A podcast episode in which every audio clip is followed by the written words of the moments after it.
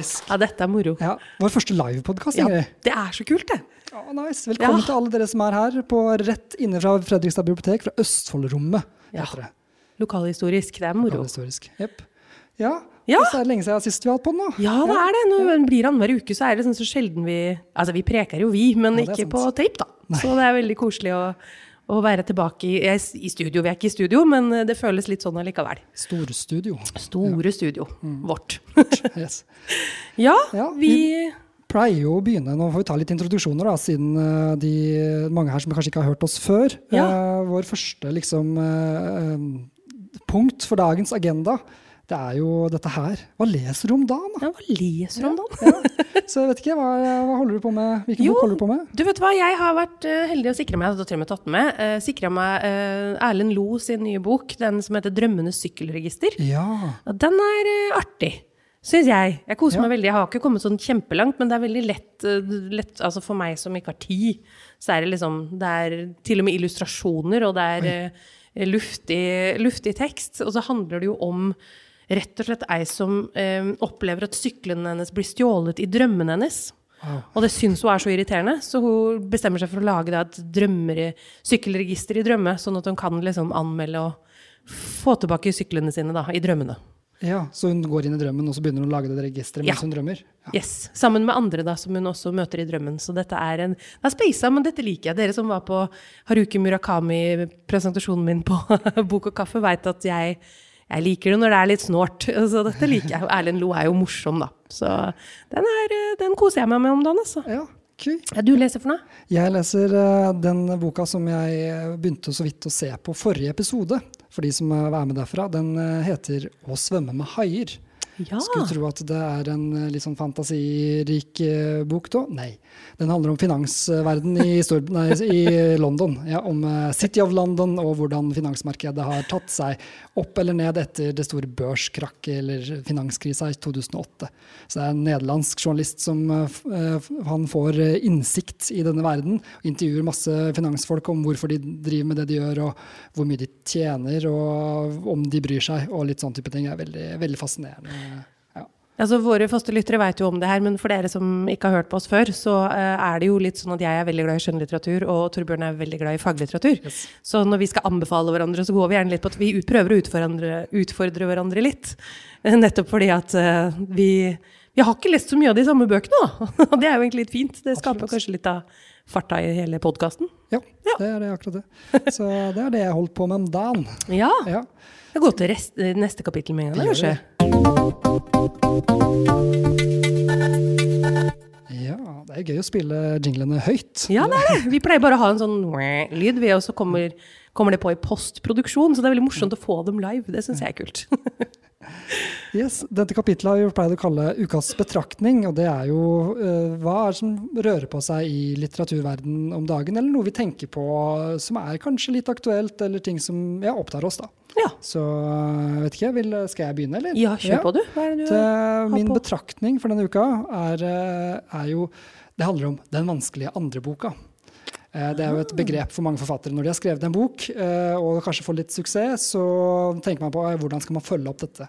Eh, Jeg må jo skrive en bok til, alle har masse forventninger plutselig, og osv. osv. og Så så kom jeg til å tenke på stjerneskuddet Oliver Lovrenskij, som kom ut med bok i høst. Den heter ja. 'Da vi var yngre'. Han er 19 år! Han vant bokhandlernes, eh, bokhandlernes litteraturpris og nominerte Brageprisen på første bok, på Ja. første forsøk. Det Han er altså- 19 år! Han har en fallhøyde som er så høy, han nå. Så det, det er veldig imponerende det han har fått til. Og Ah, den ser veldig interessant ut, den eh, boka. Det er, mange har kalt den liksom Beatles for den nye generasjonen. Det handler om en ja, guttegjeng som vokser opp i Oslo. Og, uh, det er ganske røft miljø, men det er mye humor og varme. Og, og jeg bruker ungdomsspråket, da, så det er veldig mange jeg har snakka med som syns det er vanskelig å komme gjennom den, fordi er, de klarer ikke helt å lese slangen, da, rett og slett. Men Ivar. Aasen på speed, der Ja. sto det jo i en anmeldelse. Det, det er en ganske god beskrivelse, tror jeg. Ja. Jeg har ikke lest den ennå sjøl, jeg gleder meg. Så Ja, den er det lang venteliste på, men Ja. den er morsom, den. Hvordan i verden skal han klare Eller ja, jeg, jeg, jeg er glad jeg ikke slipper Eller at jeg slipper det presset med den andre boka. Men altså, jeg, jeg hadde boka nå for lengst. Altså, jeg, tenker, altså, du, jeg tror ikke du forventer det heller når du er liksom debutant. Altså, kanskje når man er 19 år, så tror man jo at man skal conquer the world. Man skal liksom være, han er, man er liksom større enn livet sjøl, veldig ofte. Men eh, jeg tror ikke man egentlig, jeg tror ikke han så for seg hvor stor suksess det skulle bli. Nei. Og så skal du liksom skrive en til, da. Ja, Og altså, åssen ja, åh. ja, jeg hørte han, han skrev mye av det på iPhonen sin også. Liksom, det er sånn, det er, det er, det er, ja, det er, ja, det men det er også det er veldig gøy. Det er veldig gøy. Ja, nei, men det, det, er, det er De sier jo at det, det blir spennende å se. Jeg gleder meg til den òg. Bare for å rett og slett se hvordan han, hvor han legger seg hen i Det kan jo noen gjøre noe helt annet. Ja, kanskje. Ja. Spennende. Jeg har gått for noe eh, Vi er i bokbransjen, da, selvfølgelig, siden vi er, eh, det er litteratur vi snakker om. Men eh, litt det her med hvordan det er å få oppmerksomhet som forfatter i dag. Apropos Oliver Lovrenskij, som jo har vært en braksuksess. Og da får han jo mye oppmerksomhet som debutant. Eh, men det er, eh, det er jo en kjensgjerning at avisene eh, kutter ned på anmeldelser og kulturstoff. Altså, nå senest så var det jo Dagbladet som gikk ut og sa at de skulle kutte alle anmeldelser, for de har aldri vært en kulturavis, sier de. Nei. Det syns jeg jo var ganske historieløst av redaktøren å si. Men da de jo strengt at det har vært sånn de har markedsført seg i mange år. Men nå er de visst ferdig med det, da. Så de skal ikke lenger drive med anmeldelser. Og da, er det, da blir det klikkhoreri, og det blir kjendisstoff. Eh, og bare for eh, noen år siden så skrev eh, den, Bok 365 en artikkel om nettopp det her, hvor flere forfattere uttalte seg, og annet Agnes Ravatn, Ja. som nevnte det at hun fikk jo vanvittig med sånn oppmerksomhet for sin debut, den Veke 53. Ja. Eh, 17 anmeldelser og masse intervjuer. og Hun ble jo høy på seg sjøl, som hun sa, og trodde det skulle være sånn. Men det var en annen tid, som hun sa. Nå får du ikke den oppmerksomheten med mindre du er gjerne kjendis og har eh, enten utgitt noe før eller vært på TV. Og det ser man jo, at det pushes jo i eh, bokhandlene, og det liksom pushes på sosiale medier, alle de her kjendisene, mens de som har skrevet knakende gode bøker, men som ikke har et navn, de Ja. forsvinner litt altså, i bokhøsten og bokvåren. Og, og det, hva, hvordan, hvordan skal vi løse det? Det er liksom det jeg sitter og tenker på. ja. Det blir den vanskelige første boka, da. Ja, ikke sant? Det er det. Du må virkelig få satt en impact, og du må være høyaktuell da, når du Ja. kommer. At det er litt det det handler om. Uh, ja, nei, det er uh, det, det blir jo smalere og smalere, det uh, Ja. øyet. Ja. Ja, spesielt altså med tanke på at nå har vi så stor plass til all type medier. Liksom. Altså, vi har, I mediene har plass, de har uendelig med plass. Det er ikke spaltemeter og trykketid. Og du kan egentlig, de kan skrive så mange anmeldelser de bare vil, men de strammer inn, og så publiserer de heller andre ting. Og så er jo vi, da, som leser også med da, på å klikke på ting som Vi klikker på Farmen kjendis, liksom, og så klikker vi ikke på den anmeldelsen av den stor, ukjente forfatteren. Det er en stor um, kjendisfaktor med Ja, på TV-programmene. Ja. Det er det. Nei, jeg syns i hvert fall det er en spennende tanke. Det at liksom, jeg snakka med Torvald Steen når han var her, om nettopp det. For han kjenner jo gode forfattere som liksom kommer med andre bok og tredje bok, og som ikke blir, uh, ikke blir uh, ja, hørt av mediene, og da ikke blir sendt ut til bokhandel, eller de blir sendt ut til bokhandel men de blir ikke plassert foran, de står liksom bare i hyllene. Og, så. og det påvirker jo selvfølgelig salget, og det påvirker oppmerksomheten man får. Så man er liksom avhengig av en kjendisfaktor for å Og det, han var også veldig bekymra for det. Så det er en samfunns, samfunnsproblem, tror jeg, rett og slett. I hvert fall en samfunnsendring. Ja, det er, er, vi prøver jo, da. Vi har jo en spalte som heter Ukjent og glemt, som kommer litt seinere. Så er vi gjør vår bitte lille jobb med våre faste lyttere. Ja. For å løfte fram de. Men det, er, det må liksom mer til, altså. Ja, Vi har har ikke så mye impact, vi ennå.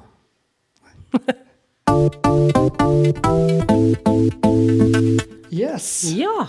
Velkommen til eh, dette kapitlet som heter Stikkprøve. Stikkprøven, ja. Og den er litt eh, morsom. Den er litt artig. Ja, vi fant ut at vi hadde lyst til å, så, eh, apropos det vi snakka om i forrige kapittel, eh, trekke fram litt bøker som vi er litt nysgjerrig på. Eh, når vi går her og labber i gang, gangene og ser på bøker overalt. Eh, og da har vel, plukker vi gjerne fram en bok og så bare åpner på en tilfeldig side og leser litt, og så sjekker vi om er dette noe. Eh, så da er det jeg som har tatt med stikkprøve i dag. Yes. Eh, og det er boka eh, 'Narsissisten' av Erling Simon. Det er en eh, debut fra i år. Ja. Eh, kulturfondbok, altså kjøpt inn. Ja. Tror jeg i hvert fall står på, ny, på Kulturfondbøker. Ja. Eh, og den ehm, eh, Det skal sies at eh, jeg eh, tok den stikkprøva egentlig for ganske lenge siden. Og så leste jeg den. Altså, jeg klarte ikke å legge den fra meg. så det ble ikke bare stikkprøven, det ble liksom hva leser du om dagen, rett og slett. Ja. men eh, jeg har litt lyst til å eh, gi dere den stikkprøva som gjorde at jeg ikke klarte å legge den fra meg. Eh, og den er lang, det er et par sider, men tar ikke sånn kjempelang tid. Men jeg regner med vi, vi har tid til det. ja da, vi har tid. Ja, men det er bra. Det er stikkprøve altså da fra narsissisten. Henter du røde epler? sier pappa. Hvor mange? Spør jeg. Fire-fem, sier han. Eplene ligger i en haug bortenfor frysedisken. Jeg klarer ikke å styre handlevognen, den er for tung for de tynne barnearmene mine. Den treffer en mann med en handlekurv og store blå sko. Vogna går rett i låret hans. Au! sier han og snur seg. Mannen har rynker i ansiktet. Du må se deg for, for faen! sier han og tar opp en pose fra frysedisken. Ja, sier jeg. Det ryker kald luft fra posen, det er frossen pommes frites. Ansiktet mitt er varmt, og øynene hans ser ikke på meg da han går forbi. Husk, sier han høyt, det der kan gjøre vondt! Ved eplene er det ingen andre. Jeg dunker vogna inntil, inni en kant og stopper. De røde eplene ligger bak de grønne, og jeg strekker meg og legger ett ned i en gjennomsiktig plastpose. Jeg strekker meg for å ta et til, da albuen min kommer borti et grønt et. Det detter på gulvet og triller under vogna. Når du ikke bort, sier noen. Det er mannen med de store blå joggeskoene igjen. Han setter handlekurven med pommes frites-posen ned på gulvet. Munnen min svarer ikke. Hm, sier han høyt. Jo, sier munnen min. Han bøyer seg ned og løfter meg opp til de røde eplene. Han løfter meg, og mens han holder meg over eplene, presser han fingrene inn til innvollene mine. Jeg tar et eple og legger det i posen, og tar et til. Skynd deg, sier han. Sett meg ned, sier jeg. Det gjorde vondt i stad, sier han lavt og presser fingrene hardere inn mot magen min. Armene hans moser alle innvollene mine som gravemaskiner. Jeg må på do. Hendene mine prøver å ta tak i noe, men eplene bare løsner og triller av gårde. Se hva du gjør, sier han og klemmer. Munnen min sier at han skal slutte, men ordene sitter fast, og det kommer bare en knirkelyd fra halsen. Føttene mine treffer gulvet, og alt blir lyst. Så klarner det, og da jeg blunker, kan jeg se igjen. Det ligger mange epler utover flisene, og jeg kan se de blå skoene hans gå til kassen. Det klør på leppene. Ved avisstativet snur han seg. Det stikker i tunga idet han ser på meg. Pappa kommer bort og legger noe pakka i hvitt papir ned i vogna. Han peker mot gulvet hvor posen ligger ved siden av alle eplene. Han plukker opp posen og fyller den, og så legger han resten av eplene fort på plass. Hånda mi støtter seg på vogna. Pappa snur seg og snakker til meg når han er ferdig. Hodet mitt nikker. Jeg hører ikke hva han sier. Han triller vogna bort til kassene og stiller seg i køen. Ørene mine hører igjen da han tar en avis fra stativet ved kassen. Foran står det en gammel dame, øh, og foran henne igjen så står mannen med de blå joggeskoene og skal betale. Faen, sier mannen idet han har tasta koden. Det jævla kortet, sier han. Pappa legger avisen oppi vogna, og jeg holder meg fremdeles fast. Mannen prøver igjen. Faen, sier han en gang til. Det er andre som venter, sier gutten i kassa. Pappa tar fram kortet sitt og går fram til den gamle damen. Mannen med de blå skoene ser eh, på pappa uten å smile og legger kortet sitt oppå lommeboka. Unnskyld meg, sier pappa. Hvis du vil, kan jeg legge ut? De terminalene er forskjellige hver gang, sier mannen. Ja, ler pappa. De er kanskje det. Pappa setter inn kortet. Jeg har penger, jeg må få kontonummeret ditt, sier mannen. Pappa rister på hodet. Nei da. Hvis jeg møter deg her, så skal jeg gjøre opp, sa mannen og ser på øynene til pappa. Det mener jeg. Han går bort til enden av varebåndet, ser på meg og hoster, og så plukker han med seg posen. Kvittering? Mannen med de blå skoene går sin vei. Nei takk, sier pappa. Oi, Ja. den er litt ekkel. Ja, og det var nettopp det. Jeg fikk litt vondt i magen når jeg leste Ja. den. Eh, Men den handler om altså Dette er et minne. Det står i kursiv, altså hele den første. Det er tre sider ja. rett i starten. Det er et minne som denne eh, Jim, som er hovedpersonen, har eh, av faren sin. Og denne opplevelsen da, med denne mannen i kassa. Eh, hvor han eh, Fordi boka heter 'Narsissisten' fordi faren hans er kunstner. Og han ja. eh, jobber hjemmefra eh, når guttene er små, for han har også en, en storebror som heter Mattis.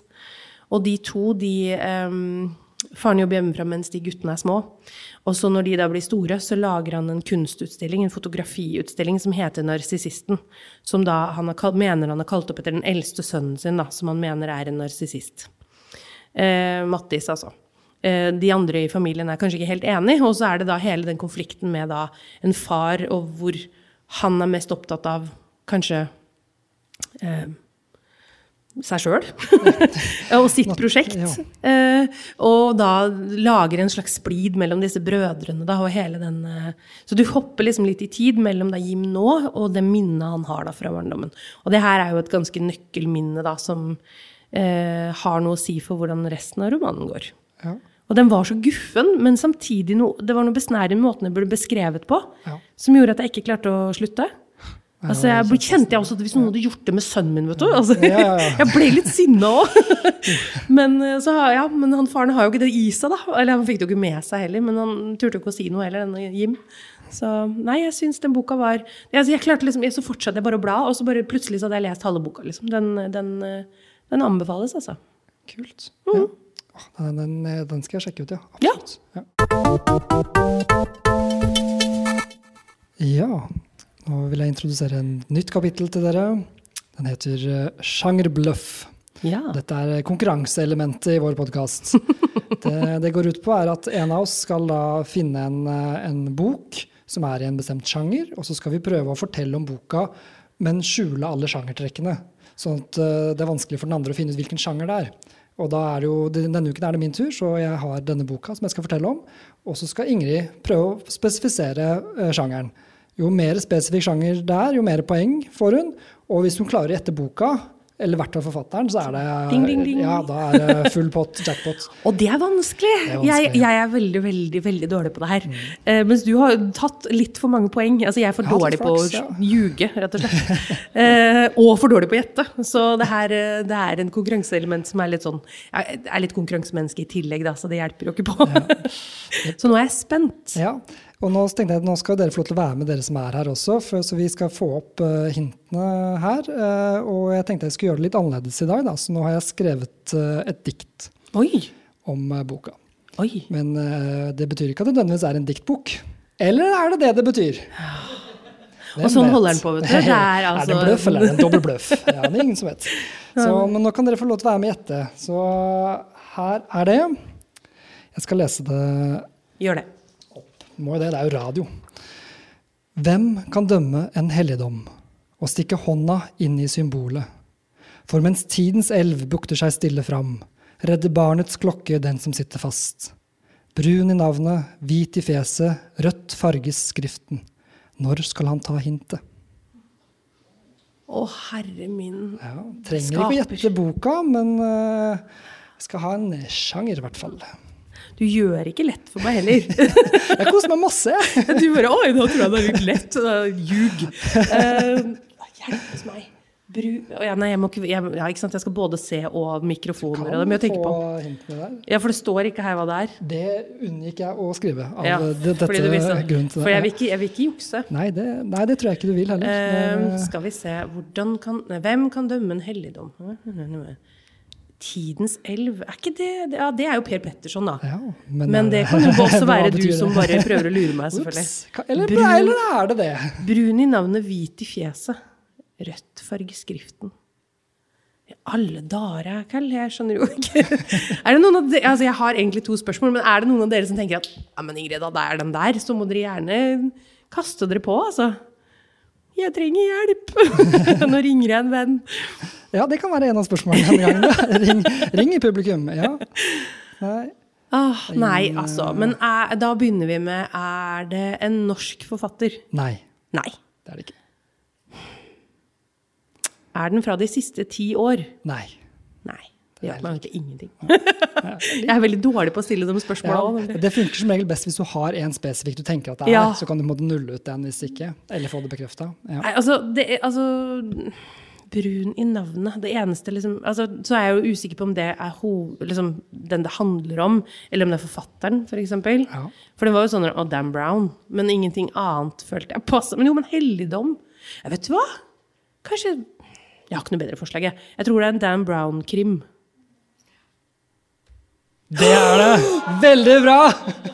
Dette er Da Vinci Green. Der satt den! Der satt den! Jeg hadde tenkt å si det, Ja, unnskyld, men jeg turte ikke snevre det inn. Nei, vi får full pott på den, altså. Ah, det en Ah, det var deilig. tidlig Dan Brown. Ja.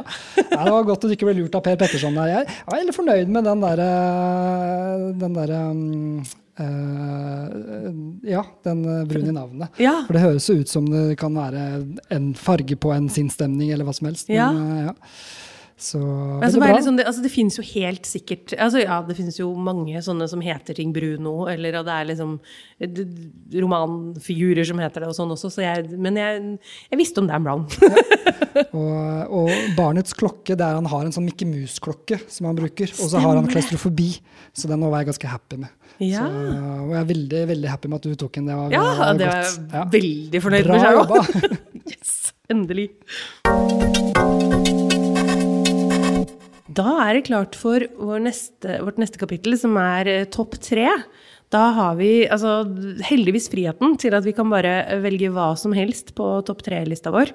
Eh, vi skal vise dere som sitter her i salen etterpå, hvordan dere kan finne de gamle podkastene. Vi har noen ganske fiffige til topp tre som vi har uh, hatt tidligere.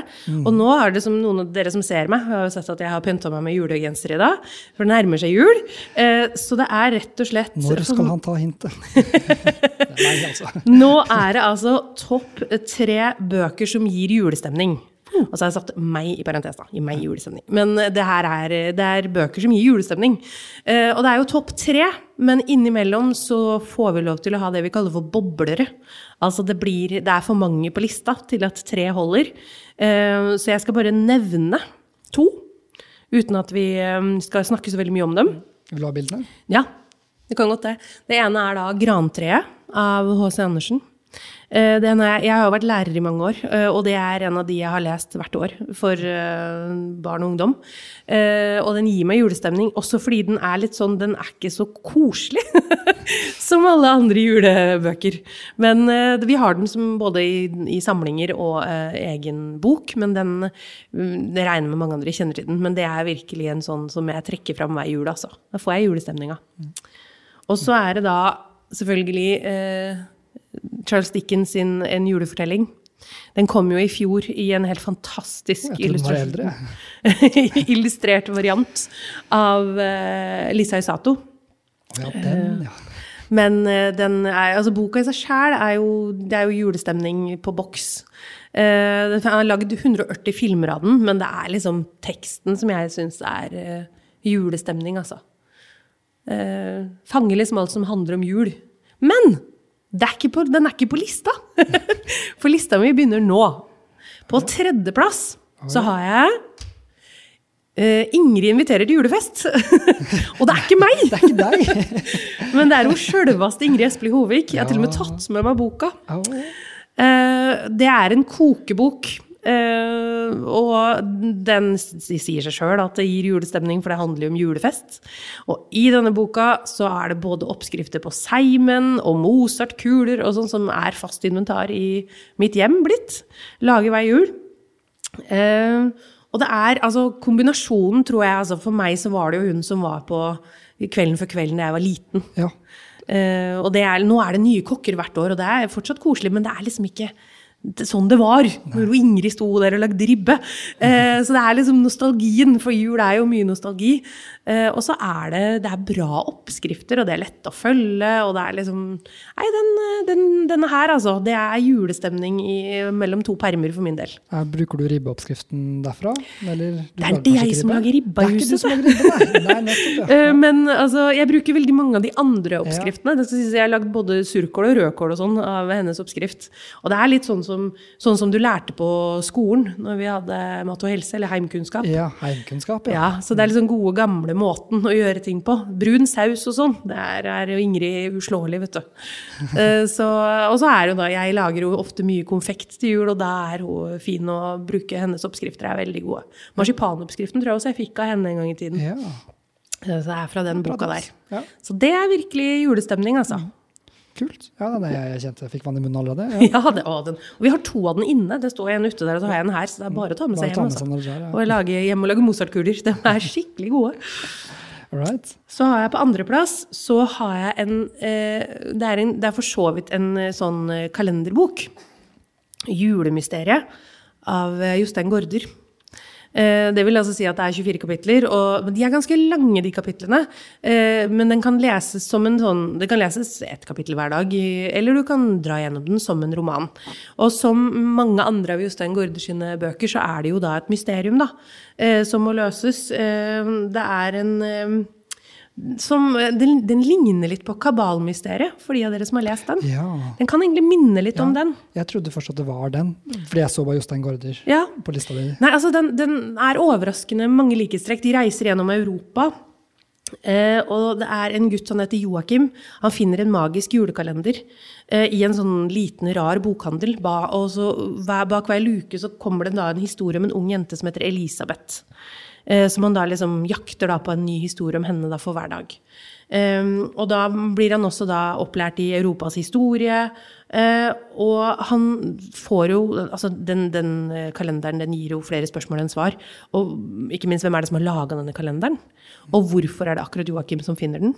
For det viser seg jo at eh, det er en grunn til at det er akkurat han som finner den. Og hvem er egentlig denne Elisabeth?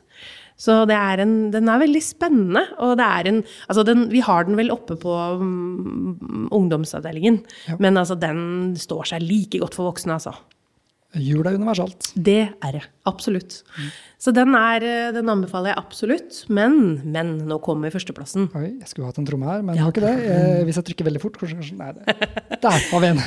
Den håper jeg dere har lest, og hvis ikke dere har gjort det, så er det årets julebok å lese. Den er ikke fra i år, men det er altså eh, 'Snøsøsteren' av eh, Maja Lunde og Lisa Isato. Jeg er tilbake til Lisa Isato igjen. Um, den her er for voksne også, altså. Det kommer du ikke utenom, selv om den også står på Den tror jeg vi både har i barn- og voksenhyllene. overalt. Ja. For den er virkelig den er, altså Illustrasjonene i seg selv er jo nesten hele historien. Det er så vakre bilder. Men altså, fortellingen er så eh, Den drar deg så veldig gjennom. Det er kapittel, altså sånn kalenderbok, dette også, men du kan fint lese den bare som en illustrert roman.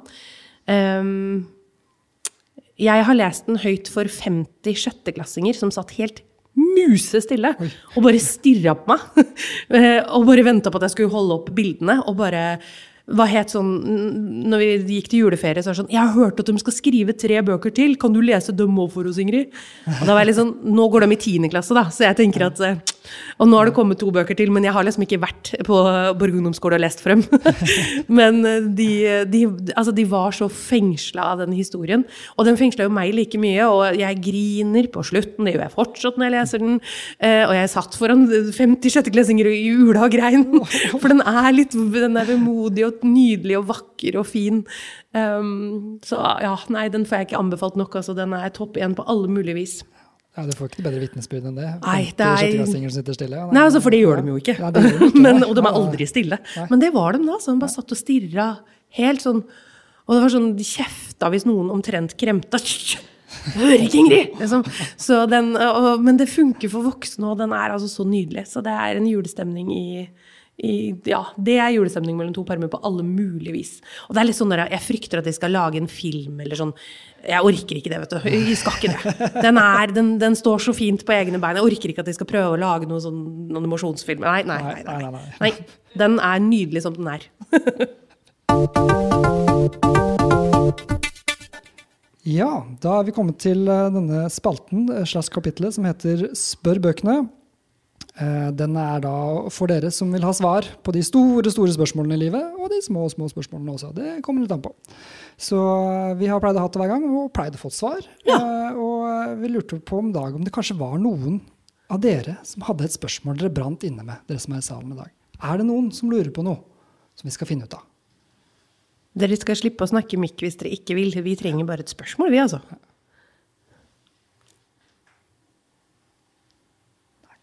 Nei, da Vi pleier å bruke litt tid på å finne ja, på noe sjøl òg. så. jeg har funnet på et her, da. Så jeg har et i bakhånden. eh, Altså, i kjent Ingrid Espelid Hovigon, vi har juksa litt? Vi har juksa Ja. litt. uh, så jeg har forberedt spørsmål, da. Ok. Uh, ja. Det, det det bunner i, er uh, Jeg syns det er mye skjerm om dagen. Skjerm her, skjerm her, skjerm her overalt. Du føler deg veldig bundet. Du, bare du skal gjøre noe som helst, så må du liksom innom en skjerm. på en måte. Jeg sitter hele dagen på jobb, er det jo alt skjermbasert nesten. Bortsett fra når jeg sitter her, da. Det, Ja. Så det er veldig hyggelig. Uh, og eh, skal du sende inn skattemeldinga, så er det på skjerm. altså Alt er liksom skjerm, skjerm, skjerm. skjerm. Og du føler deg veldig bundet, da. Det er veldig praktisk og fint og alt mulig, men man blir litt sånn føler seg avhengig av det. Så det jeg lurer på, er hvordan kan man oppnå en følelse av frihet fra skjermen? Ja. Det lurer jeg på. Det er det fint å spørre bøkene om. Det vil jeg gjerne ha svar på fra bøkene. Så spørsmålet er om noen som har lyst til å komme og peke på dikthylla vår, så vi har vitnesbyrd på at vi ikke jukser. For det, noen ganger har det gått så bra at jeg føler at det kan høres ut som vi jukser. En frivillig. Ja, Ja, fantastisk. supert. Supert, hjertelig. Så hvis du bare steller deg ved siden av dikthyllen der borte, Og så sier og så Torbjørn skal stopp. si stopp. Så hvis Ja. du da bare peker liksom opp og ned litt helt tilfeldig Jeg sitter, står andre veien nå, det, så er det greit. Eh, skal vi se Stopp. Den boka kan vi ta. Tusen hjertelig. Skal vi se. Da, oi, Det er, skal se bare- du, det er ikke du som skal det. Det Å ja, jeg jeg tenkte jeg kunne lese tittelen, men eh, ok. Ja. Hands on. Hands off, mener jeg. Ja. Det er 'Mor når hun vinker fra toget' av Emily Benedicte. Oi. Den er fra i år. Den er fra året. Helt ny. Oi, Fantastisk. nice. Ja. Nei, da får du eh, ta og bla litt i boka, da, så skal vi se Den sida kan vi ta. Okidoki. Oi. Så opp og ned. Der er det bra. Ja, den, og nå, i, i dag tror jeg vi får svar, Oi, skal da skal vi ta spørsmålet en gang til. Hvordan oppnå en følelse av frihet fra skjerm? Låser døren, åpner vinduet. Fjorden skvulper. Det er natt nå. All right. wow. Er det, det er rett og slett Legg, gå og legg deg. Ja, gå og legg deg. Ut i naturen, gå og legg deg. Det er jo ikke, be- det, det er jo ikke enklere enn det, eller det er jo ikke vanskeligere enn det, er det? Det er rett og slett så enkelt. Det er bare Oi, oi, oi. ut i naturen med deg, og så ut og se på fjorden, og så gå og legge seg. Fantastisk. Oi, oi, oi. Innimellom altså, så får vi altså så klare svar. Det er ikke noe lure på. Det er jo ikke noe tolkningsmulighet engang. Og selv når du er inne, så bare åpne vinduet, da. Ikke se på den der skjermen. Altså, Windows, bytt ut Windows med vindu. ok? Veldig bra.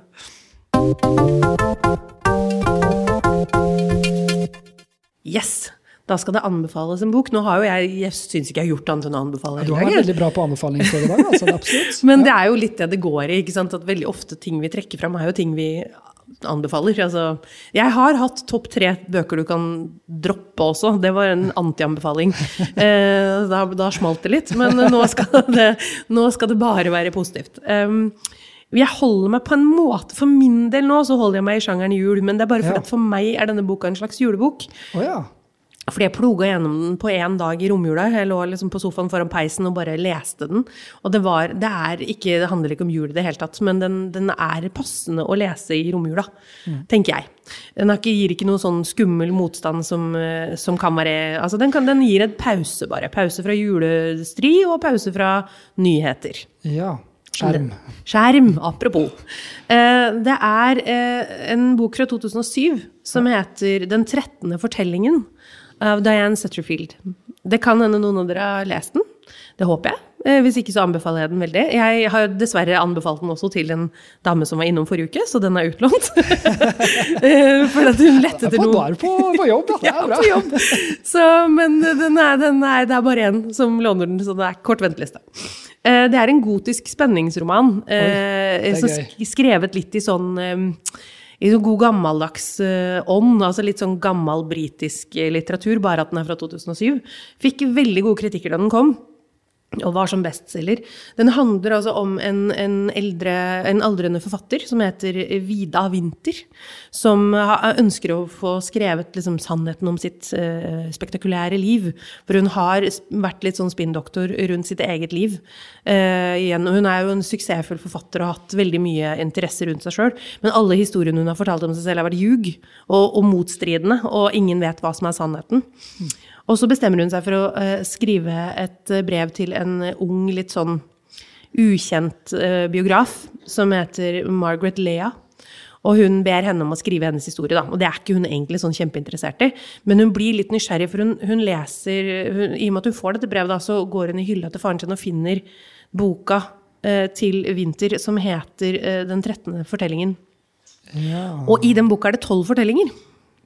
Hæ? Så da blir hun litt sånn Så hvor er den 13.? så da må jeg i hvert fall møte henne for å finne ut av det. Eh, og så eh, blir de liksom Ender hun opp med å sitte og altså Hun motvillig takker ja, da, i hvert fall til å høre historien. Eh, og Vida sin historie, det er eh, en ganske merkelig historie som handler om en familie med to tvillinger. Ganske viljesterke tvillinger. Som eh, som blir liksom hennes historie blir fletta litt inn i historien til disse tvillingene. Eh, Så det er liksom en del I boka så hører du både Margaret Lea, altså hun biografen sin historie, eh, men også da historien til eh, Vida Winther og hennes familie, da, og alt hun har opplevd. Ehm, og da prøver da hun Margaret å finne sannheten både om sitt eget liv og om Vida sitt liv. Fordi at um, hvor kan hun stole på Vida? Hun har jo jugd hele livet om, om sitt eget liv. Så hva er det egentlig som er sant, og hva er den 13. fortellingen? Så den er spennende og behagelig eh, og veldig interessant. Ja, og, så det er en sånn bok du bare koser deg med å være i. Så er den veldig, det er en spenning, og det er, det er en gotisk spenningsroman. Så det er en del ting som skjer her som er litt sånn Ja, du, du, du blir dratt videre, altså. Ja, jeg ser Anne B. Ragde skryter av den på forsiden her. Det gjør hun, vet du. Her står det Jeg vedder på at Jane Austen snur seg i graven av ren misunnelse fordi hun ikke selv fikk skrevet denne romanen. Er ganske godt vitnesbyrd. da. Ja, nei, altså det er i Jane Austens ånd, denne boka. Altså, så den, og den er veldig tilgjengelig og lett å lese, så den anbefaler jeg veldig. Nice. Takk for anbefaling. Vær så god. All right. Vår nyeste spalte. Ja. Og vi skal vi forklare litt av hva som er poenget med den? Ja. Ja, Det er jo masse masse nye bøker som vi får inn hele tiden, som ingen hører om. Litt sånn som vi snakket om i dagens første spalte, eller første kapittel. Eh, Så vi ønsker å få dratt fram de nye. Og så er det også mange ting man glemmer fins. Ting som var nytt den gang, som kanskje ikke engang fikk noe oppmerksomhet, eller som folk har glemt. av den greia. Så nå slår vi det sammen, så er det et podium for eh, ja, nytt Gammelt og nytt. Gammelt og nytt, ja. Ja. Stemmer. Så nå har jeg satt opp uh, din uh, først her, jeg. Ja, Så da får vi kanskje ta den, da. ja siden ukjent først. Ukjent først ja. ja. Mm. Så denne er ny, den er fra i høst. Uh, og det er en bok som heter I november, om å bli gammel, av Sven Erik Liedmann. Og det er en essaysamling. Og han sier selv det, at mange har skrevet om alderdommen, eh, men få av dem er over 80. Eh, vanligvis er de omtrent 60, og da skriver man liksom ikke helt fra innsiden. Da er man litt på utsiden. Eh, og man forestiller seg hvordan det vil bli å bli eldre. Så det han har bestemt seg for, er å da skrive et personlig vitnesbyrd om det å være å bli gammel. Um, og han valgte da essayet fordi at, eh, som han sier, det er en uh, essay med sin uregjerlige frihet, sine raske kast, øyeblikksbilder, korte resonnement og refleksjoner. Kanskje finnes det noe overskuelig i uoverskueligheten. Vi har den, altså den er venteliste på den nå. Vi har den, ja. inne, eh, eller vi har den i katalogen. Jeg har bladd litt i den, og den virker veldig interessant. Ja, jeg husker jeg så den da vi fikk den inn på sånn bestillingsliste, og den, den virker ganske unik, da. i Ja. Og så er det en essaysamling. Jeg elsker essays, så det Og så er det så vakkert, eh, vakker forside. Ja. Boka er så pen. Ja, for de som er da er på radio, så er det rett og slett en tåkelagt uh, skog på, med høstløv under, men du ser alle trærne, men det er supermykt. Ja. er nydelig beskrevet. Bra jobba. så den anbefaler jeg virkelig. Og det er en, den har jeg ikke lest noe om i noen aviser. Det er en svensk forfatter, riktignok, så han får jo ikke noen anmeldelser i Norge. Men jeg har liksom ikke den, den har fått for lite oppmerksomhet med tanke på hvor unik den er i sin sjanger, da, eller sin type. Og så har du noe gammel moro. Ja, noe gammelt. eh, Jeg tok jo da turen opp på magasin. Ja. Fullt av støv og alt mulig. Fant ja, for der bøker går for å dø, dessverre. Så det er liksom litt hyggelig hvis vi kan få dem fram igjen. Jeg har ikke planlagt hvor jeg plasserte se Nei, det er klumsete. Der, vet du. Ja. Denne boka heter 'Norske hekseformularer og magiske oppskrifter'. Det er gøy. Det er Alle dager er det du har funnet Ja, dette er en veldig kul bok. Det var den første jeg så på hylla. Jeg bare tok den ut, og så er jeg bare sånn Oi, dette her eh, Kjempespennende. Eh, jeg kan jeg egentlig best at meg bare lese introduksjonen, for det forklarer veldig godt eh, når de ga ut en ny Dette er, Utgaven er Ganske gammel, men ja, alt står her. I denne boka har Anton Christian Bang samlet alle de norske trollformler og magiske oppskrifter som han hadde klart å finne fram til da boka kom ut i 1901-1902. Han hadde hentet stoff fra mange kilder, artikler i tidsskrifter og aviser, folkeminnesamlerens notatbøker, arkeologisk materiale i form av magiske amuletter og fra 1600-tallets hekseprosesser. Men først og fremst var det de håndskrevne svartebøkene han fant den norske magien. Siden den gang har det kommet mye materiale i tillegg. I løpet av 1900-tallet ble det samlet inn folkeminne over hele landet, og selv om svartebøkenes tid stort sett var over, kom stadig nye bøker for dagen. Mange av de svartebøkene som dukket opp i dødsbo, har nok likevel blitt brent eller ødelagt på en annen måte. Det sto uhygge av en slik bok, og familien ville nødig at det skulle bli kjent. Og det syns jeg var veldig interessant, for det forteller jo litt om den type tradisjonen og ja, naturtro og hekseformler og svartebøker som var var vanlig på et tidspunkt, men man snakket ikke om det, for det var jo uh, kjettersk. Uh, og så begynte jeg å bla litt i boka. da. Hva slags type bok er det? liksom? Det er sånn der, hvordan altså, Lage en forbannelse på noen andre. Det, skal, skal, jeg, skal, jeg bekymre meg nå? Holde nei, meg inne med deg framover? Det, det, det, er sikkert noen forbannelser her også, men det, det jeg slo opp på, da, når jeg skulle ta en liten stikkprøve av den her, er jo uh, rett og slett det er tips og råd. Det er jo, dette er jo TikTok før i tiden. Eh, så her har vi nummer 826, eh, og det er skrevet på litt sånn gammeldansk her, så skal jeg prøve å se om jeg klarer å få inn litt av det. Eh, om en orm kryper i et menneske. Da tag en skosåle og tenn den, og la dens røg gå gjennom munnen. Da går slangen ut. Det er forsøkt, står det her. Det er for... det er ikke dum. Ja, ja, det, er, ja. det her er det tips og råd, rett og slett. Så jeg skal ta én kjapp til også. Her er, på andre sida her sto det uh, at en ny hest skal trives. Uh, man leder hesten inn i stuen til middagsbordet, hvor den får litt at ete. Det er verre enn det. Veldig gøyal bok. Jeg har lyst til å bruke den her til, spørsmål, til uh, ja. hver gang. Her får du svar. Ja, dette var, uh, ja, det var en herlig liten skatt jeg fant her oppe. Og, det er, og den er full, den er kjempetjukk. Full av formularer. Uh, ja. Så det er bare å kose seg med. Meget godt tips. Den må fram igjen. ja. Da har vi egentlig kommet til ja. veis ende, er vi det? Det har vi, vet du. Ja. Da er, er, det bare å takke for denne gang. Takk, ja, takk, takk, til alle dere som lytter, og takk til alle dere som kom ja. hit i dag. Tusen hjertelig takk. Tusen takk for det.